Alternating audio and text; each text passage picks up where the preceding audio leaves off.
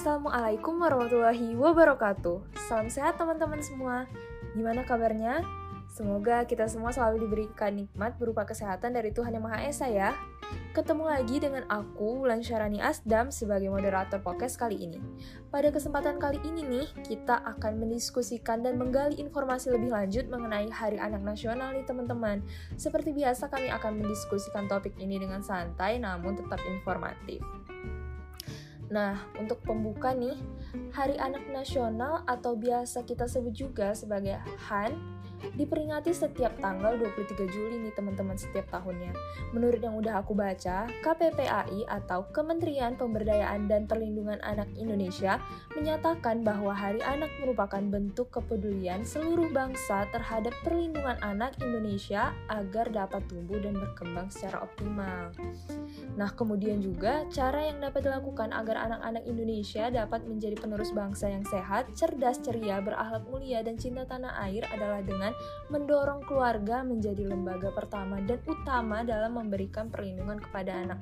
Nah, bukan berarti hanya keluarga aja ya teman-teman yang harus bertanggung jawab. Kita semua juga harus turut andil bertanggung jawab dalam menjaga kesejahteraan hak anak ini. Nah, maka dari itu aku udah ngundang pemateri yang tentunya berkompeten untuk membahas hal-hal ini, teman-teman. Nah, pasti kalian udah gak sabar kan ya mendengarkan penjelasan-penjelasan dan mungkin pertanyaan-pertanyaan yang ada di pikiran teman-teman sedari lama. Nah, untuk tahu jawabannya, kita akan bahas bersama pemateri kita dari Forum Anak Kota Tanjung Pinang. Nah, untuk mempersingkat waktu, kita langsung saja menyapa narasumber kita yang sangat luar biasa. Halo Leza.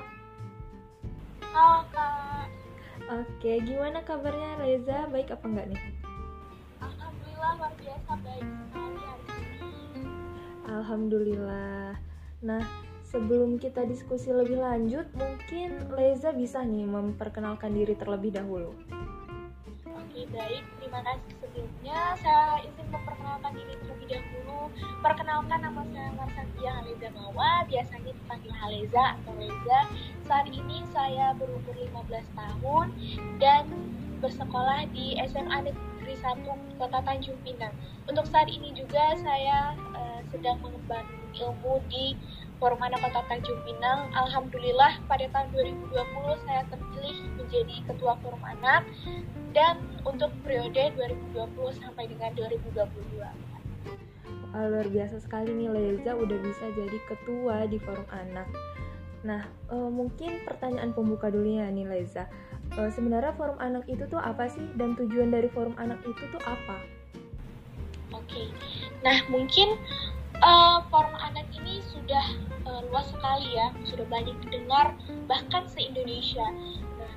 Sebenarnya forum anak ini sudah diwajibkan oleh pemerintah pembentukannya karena sudah tercantum pada uh, peraturan menteri Kemen PPPA tentang pembentukan forum anak mulai dari tingkat kelurahan, desa, kecamatan, kota, kabupaten hingga ke provinsi bahkan hingga ke nasional langsung. Nah, kalau untuk forum anak sendiri singkatnya itu uh, adalah wadah partisipasi anak tapi juga bisa diartikan sebagai perkumpulan atau organisasi yang beranggotakan anak-anak di usia bawah 18 tahun, kemudian difasilitasi oleh uh, alumni forum anak di atas 18 tahun, mereka-mereka yang sudah terlebih dahulu mengemban di forum anak dan juga dibina langsung oleh Dinas Pemberdayaan Perempuan dan Perlindungan Anak yang ada di daerah mereka. Dan forum anak ini uh, juga tidak hanya sembarang dibentuk untuk uh, mematuhi peraturan menteri, tetapi juga memiliki tugas dan tanggung jawab mereka yaitu sebagai 2P atau pelopor dan pelapor dan juga sebagai PAPP atau partisipasi anak dalam perencanaan pembangunan. Nah, 2P itu apa? PAPP itu apa? Yang pertama itu pelopor. Mereka atau forum anak lah yang mendukung, mendorong, mencetuskan ide-ide uh, kreatif dalam mencegah eh, anak-anak uh, di daerah mereka supaya terhindar dari masalah-masalah anak yang dihadapi mereka pada saat ini dan juga uh, mereka lah yang mendorong teman-teman lainnya supaya bisa hidup secara produktif dan tidak menyia-nyiakan waktu mereka di saat uh, masih menjadi anak-anak ini. Kemudian menjadi pelapor. Pelapornya itu seperti apa? Nah, pelapor yang dimaksudkan saat ini itu uh, ketika kita terlibat atau kita tahu bahwa teman kita ada yang terkena masalah misalnya itu mm-hmm. kita harus tahu melapornya ke mana kita harus berbuat apa. Kita seharusnya memberitahukan kepada orang dewasa kemudian atau kita kenal dengan orang-orang yang bekerja di bidangnya itu bisa kita laporkan di sana. Tetapi ya tentunya kita juga harus memiliki ilmu ketika kita sudah uh, melakukan tugas selama menjadi pelapor ini sendiri Kemudian, Formanak juga sebagai partisipasi anak dalam perencanaan pembangunan atau sebagai perwakilan anak-anak di daerahnya dalam menyuarakan suara anak-anak di tingkat pemerintahan. Jadi contohnya itu seperti ketika diadakannya musrembang, itu forum anak e, selalu dilibatkan untuk menyampaikan aspirasi anak-anak di daerah mm -hmm. supaya bisa secara langsung diteruskan ke pemerintah dan uh, pada saat itu juga. Jadi forum anak lah yang menjadi perwakilan anak-anak itu sendiri ketika ada kegiatan atau proses pembangunan daerah masing-masing. Seperti itu, Kak. Oh oke, okay. berarti bisa aku simpulin ya kalau misalnya forum anak itu adalah suatu wadah yang menjembatani antara anak-anak di Indonesia dengan pemerintah, seperti itu kan? Iya, bisa dijadikan seperti itu. Oke, okay uh, kemudian nih aku uh, mau ngingetin juga kalau hari ini tuh hari yang cukup spesial buat anak-anak karena hari ini tuh hari anak nasional. Nah mungkin dari Leza bisa diceritain sedikit nih mengenai sejarah adanya peringatan Hari Anak Nasional di Indonesia. Oke baik, uh, sebenarnya sih untuk peringatan Hari Anak Nasional ini uh, sejarahnya uh, kurang ada yang spesial ya kayak misalnya 10 November Hari Pahlawan itu mm -hmm. ada sejarah terjadinya gitu. Iya benar. Kalau untuk Hari Anak Nasional sendiri sih memang karena dari internasional sudah ada, masa nasionalnya nggak ada. Tapi memang uh, untuk ditetapkannya tanggal 23 Juli ini ada sejarahnya bahwa pernah ditukar lah, pernah diganti, mm -hmm. terus namanya juga pernah diganti. Itu kalau tidak salah saya terakhir kali uh, tanggal 17 Juni ditetapkan Hari Anak. Tetapi uh, banyak yang merespon kenapa sih tanggal 17 Juni nggak ada uh, apa-apa, nggak ada sejarahnya. Maka dari itu dipertimbangkan kembali oleh pemerintah. Nah, di, uh, ada nih yang ngusulin tanggal 23 Juli aja. Kenapa? Karena uh, pada saat itu kalau tidak salah di Menteri Pendidikan dan Kebudayaan, -hmm. uh, mereka menganggap itu bahwa tanggal 23 Juli uh, lebih kena feel-nya ke anak-anak. Kenapa? Karena pada saat itu ditetapkannya Undang-Undang Kesejahteraan uh, Republik Indonesia nomor 4 tahun 1979 tentang kesejahteraan.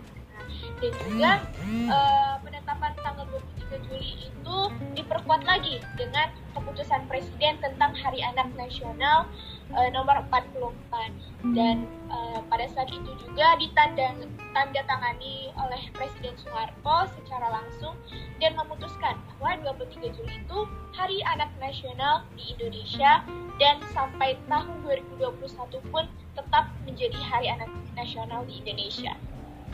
Oke, berarti ini ada hubungannya dengan penetapan undang-undang pada tanggal iya. 23 itu ya. Mm -mm.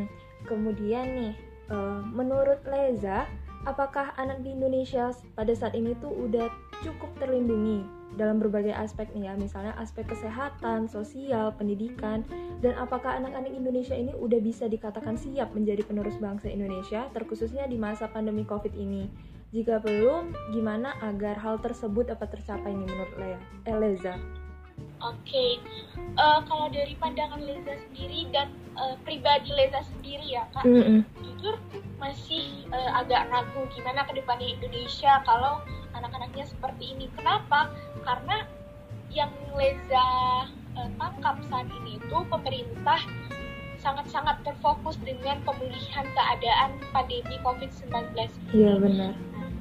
Dan buktinya apa? Buktinya banyak sekali dana-dana yang dialihkan ke COVID-19 memang COVID-19 itu harus segera kita tangani. Tetapi eh, gimana nasib anak-anak lainnya ketika hak-hak mereka banyak yang dijadikan eh, nomor dua setelah COVID-19 kenapa? Contohnya ya eh, ketika belajar saat daring nih memang salah satu cara pemerintah melindungi anak-anak Indonesia itu dalam uh, tetap dengan tetap memenuhi pendidikan mereka itu dengan pembelajaran daring dan uh, pada saat ini pemerintah tentu sudah melaksanakan hak mereka eh, hak anak dalam perlindungan di masa pandemi. Tetapi di satu sisinya itu anak-anak itu tidak paham bagaimana penjelasan guru yang disampaikan uh, kurang efektif gitu istilahnya kepada diri anak-anak itu sendiri.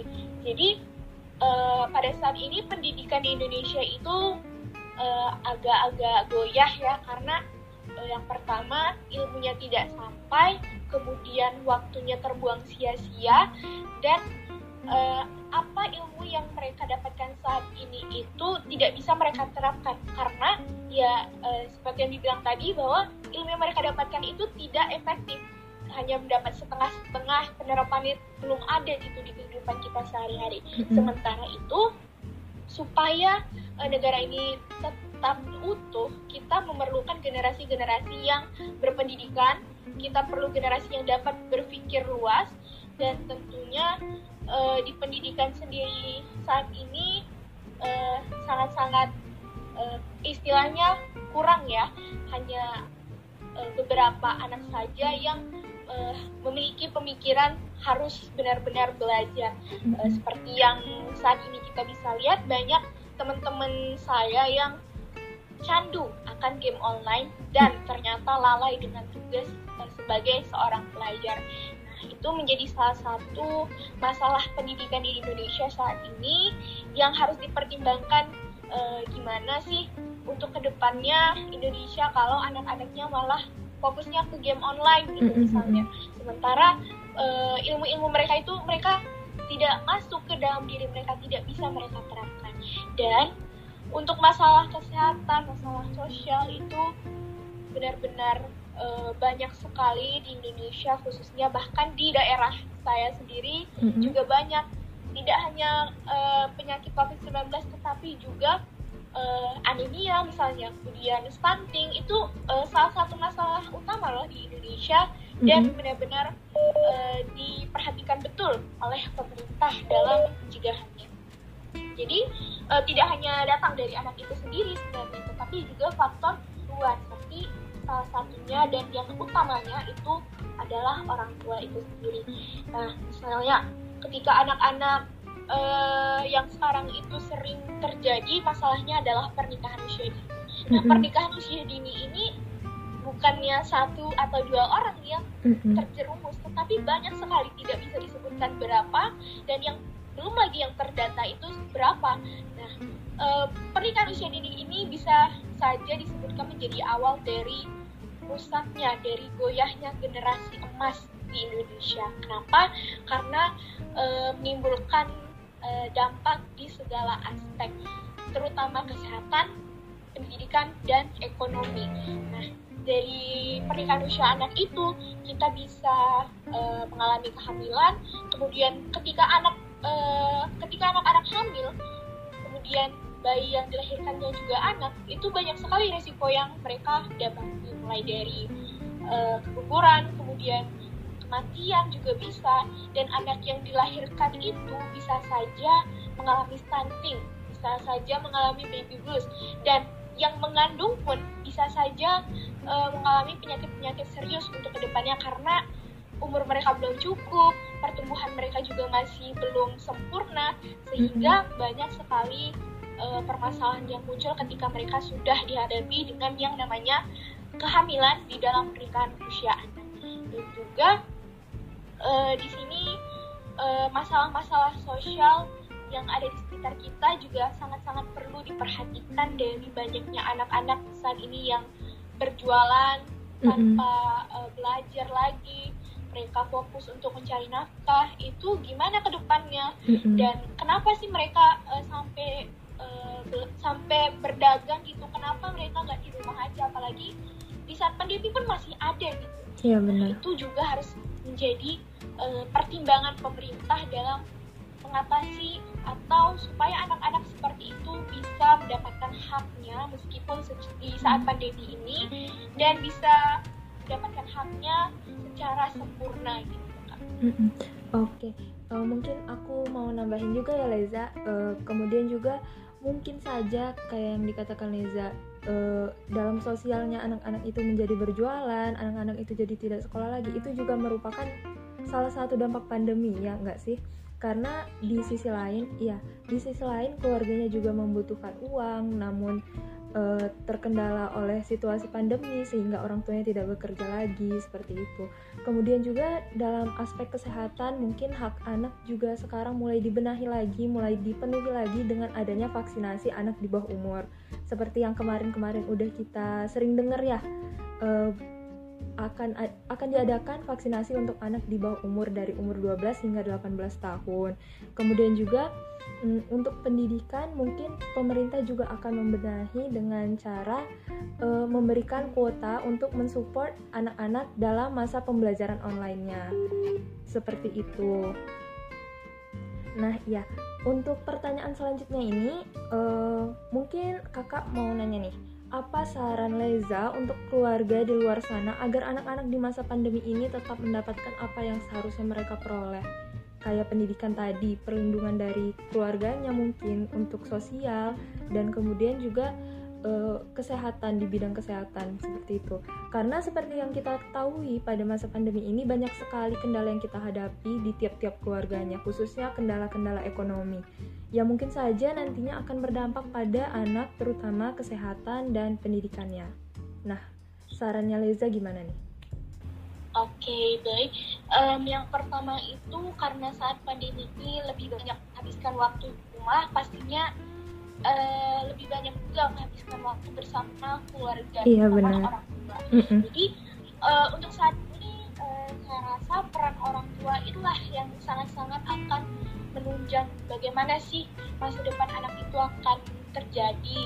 Misalnya dengan menerapkan pola asuh yang benar-benar uh, sempurna, anak-anak tersebut akan turut merasa nyaman, merasa tidak direndahkan. Itu juga menjadi salah satu uh, aspek dari uh, supaya anak-anak bisa mendapatkan hak mereka meskipun di saat pandemi ini. Jadi uh, pola asuh yang benar itu juga sangat-sangat dianjurkan oleh orang tua supaya ke depannya kehidupan anak-anak mereka lebih tertata rapi, lebih tahu ke depannya mau seperti apa dan juga uh, orang tua yang harus mendukung anak-anak mereka uh, agar bisa terus maju kemudian ketika patah semangat orang tuanya yang harus berada di sisi mereka karena mm -hmm. sekali lagi kita saat ini sedang pandemi iya yeah.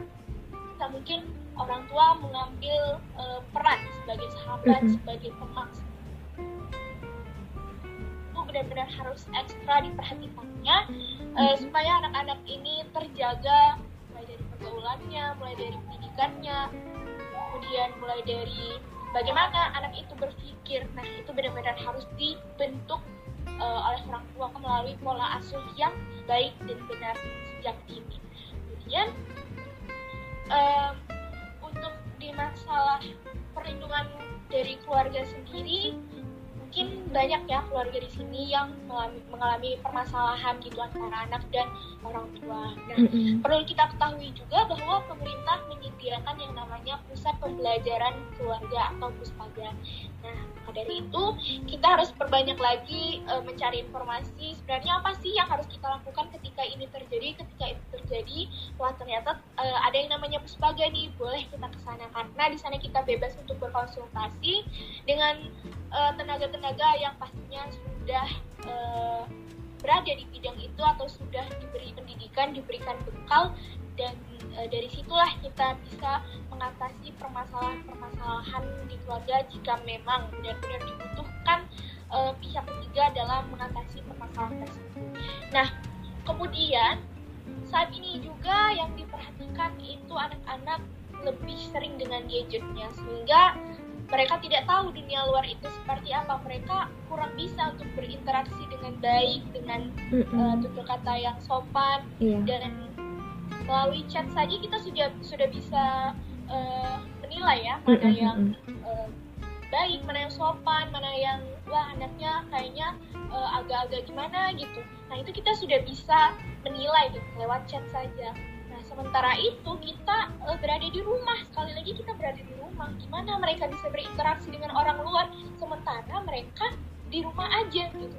Nah mungkin kembali lagi ke pola asuh uh, anaknya itu seperti apa. Mm -hmm. kemudian mungkin uh, dengan cara lebih sering lagi meet atau pertemuan-pertemuan mm -hmm. uh, dengan orang lain dengan orang luar dan tentunya diajarkan betul-betul supaya bersikap yang sopan dan santun meskipun secara virtual tetapi uh, dengan kunci harus bisa diterapkan kembali ketika kita menemu bertemu dengan orang tersebut uh, secara langsung gitu. Mm-hmm. Dan uh, benar tadi yang dikatakan oleh kakak bahwa sekarang pemerintah sedang membenahi uh, masalah kesehatan di Indonesia terutama oleh anak-anak salah satunya dengan adanya vaksin Nah, mungkin uh, ke depannya uh, anak-anak setelah vaksin itu tidak dibiarkan begitu saja, kemudian diperhatikan juga uh, apa sih anak uh, yang terjadi pada anak-anak yang sudah vaksin melalui aplikasi misalnya. Itu mungkin bisa jadi pertimbangan oleh pemerintah jadi tidak hanya vaksin pertama kemudian dibiarkan begitu saja dikasih surat keterangan. Lanjut vaksin kedua sementara anak itu mengalami ini mengalami itu kemudian uh, pemerintah tidak tahu misalnya. Jadi mungkin itu bisa menjadi salah satu usulan dari uh, saya mewakili teman-teman forum mm-hmm. supaya bisa dipantau kembali anak setelah vaksin. Mungkin dua hari sekali lewat aplikasi ya contoh mm-hmm. khususnya tidak secara langsung lewat aplikasi ditanya misalnya apakah kamu merasakan mual atau misalnya apakah sudah uh, fit kembali mm-hmm. mungkin uh, selain daripada itu juga pemberian bekal yang cukup uh, untuk vaksinasi ini seperti apa ke depannya terutama uh, apa sih gunanya vaksinasi bagi anak ke orang tua karena uh, saat ini banyak juga ya yang menentang vaksinasi katanya ini adalah bisnis pemerintah misalnya padahal mm-hmm. uh, di luar sana uh, vaksinasi sangat-sangat uh, diperhatikan ya 100% yeah. makanya di negara lain itu sudah ada yang bebas COVID-19 sudah bebas dari masker mm-hmm. itu benar-benar sudah divaksin 100% ternyata sementara di Indonesia banyak sekali yang melanggar iya. uh, atau yang menolak gitu. iya benar mm -hmm. nah itu mungkin menjadi PR sendiri bagi pemerintah dan uh, masyarakat pun harus berpikir luas jangan hanya berpikir lewat pemikiran kita saja tetapi uh, lewat dua atau tiga pandangan yang yeah. berbeda supaya ya lebih luas lagi mm -mm. terus informasinya juga harus benar-benar cari yang uh, tidak memprovokasi uh, negara kita ini. Betul. Nah, karena iya karena uh, dari komentar-komentar uh, mm -hmm. sosial media saja uh, kita banyak yang menilai, kita banyak yang melihat bahwa pihak A, pihak B, pihak C itu benar-benar uh, sudah sangat-sangat memprovokasi netizen di Indonesia gitu istilahnya mm -hmm. bahwa pemerintah salah, pemerintah salah. Padahal ya itu juga kemauan masyarakat tapi ketika sudah diterapkan, eh, ketika sudah direalisasikan, ternyata ditentang sendiri oleh masyarakat. Nah, yeah. mungkin uh, ya sebenarnya harus uh, kesadaran diri sendiri dan juga mungkin dari pemerintah yang memang tugasnya mengayomi masyarakat juga turut menjadi PR bagi mereka. Gitu kan. Oke, terima kasih. Uh, kemudian juga uh, ingin aku simpulkan berarti kita sebagai keluarga, sebagai kakak, sebagai adik ataupun sebagai orang tua lebih memperhatikan lagi kondisi anak-anak yang ada di lingkungan sekitar kita, lebih mengawasi, lebih mengayomi dan juga membimbing anak-anak tersebut agar dapat menjadi generasi penerus bangsa yang baik. Nah, uh, kakak mau denger nih closing statement dari Leza dan harapan Leza kepada anak-anak di Indonesia sebagai uh, penerus bangsa nantinya. Baik, uh, untuk teman-teman yang saat ini mendengarkan dari Leza sih kurang lebih sama apa yang telah disampaikan uh, sebelumnya. Mm-hmm. Sebagai generasi penerus bangsa, mungkin saat ini kita belum bisa memiliki hari ini. Tetapi sekali lagi untuk masa depan nanti yang memiliki negara itu adalah kita. Kenapa? Mm-hmm. Karena uh, pasti entah itu kapan tapi itu pasti kitalah yang akan menggantikan Presiden Jokowi kita yang menggantikan Bapak Wakil Presiden. Itu kita semua generasi yang saat ini sedang terjebak dalam pandemi COVID-19. Sebisa mungkin kita harus benar-benar terbuka, kita harus sadar, wah negara gimana ya nasib negaraku ketika aku malas-malasan sekarang, ketika aku tidak mengerti apa yang diajarkan oleh guru, gimana ya nasib anak aku nanti ketika uh, mereka diajarkan oleh guru-guru yang berpendidikannya itu di masa pandemi, di masa kita sekarang itu seperti apa ke depannya, mm-hmm. apa yang ilmu akan apa ilmu yang akan mereka dapatkan, apakah uh, benar-benar sempurna atau justru sebaliknya. Nah, kemudian kita sebisa mungkin uh, patuh dengan orang tua kita, dengan keluarga terdekat kita karena uh, saya yakin mereka pasti berupaya untuk melindungi kita. Tetapi jika kita tidak merasa nyaman dengan apa yang ditetapkan, mm-hmm. kita boleh berpendapat karena itu merupakan hak kita untuk berpendapat. Tetapi dengan syarat yaitu sopan dan santun tetap dijaga. Kemudian um, intinya kita sebagai generasi muda uh, jangan mudah lengah, jangan mudah terprovokasi mm-hmm. dan harus benar-benar menanamkan rasa cinta kita terhadap negara kita supaya ke depannya uh, ada uh, generasi-generasi yang bisa mengembangkan, yang bisa mempertahankan gimana kemerdekaan negara ini kemudian bisa menjadi teladan bagi anak-anak di masa depan nanti dan uh, intinya kita harus bisa menyesuaikan diri lah mm-hmm. walaupun merasakan kesulitan yang sangat amat luar biasa karena uh, ya saat ini bisa kita lihat sudah banyak sekali cara-cara kita dalam memperoleh informasi. Maka dari itu kita harus gunakan sebijak mungkin uh, teknologi yang ada. Kita gunakan pemikiran kita sebagai generasi yang cerdas dan uh, kembangkan prestasi teman-teman semua meskipun di masa pandemi. Saya yakin uh, saat ini masih banyak pemuda-pemudi yang sadar akan cintanya mereka terhadap negara ini. Mm-hmm. Maka dari itu, upayakanlah yang terbaik.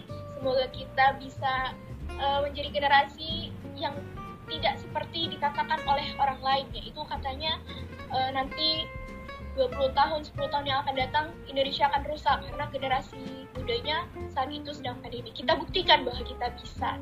Seperti itu, Kak. Oke, terima kasih banyak. Wah, luar biasa sekali Leza ya dalam menyampaikan pandangan-pandangannya dan juga pesan-pesannya. Terima kasih telah membantu kakak dalam mengisi acara ini, dalam mengisi podcast pada hari ini.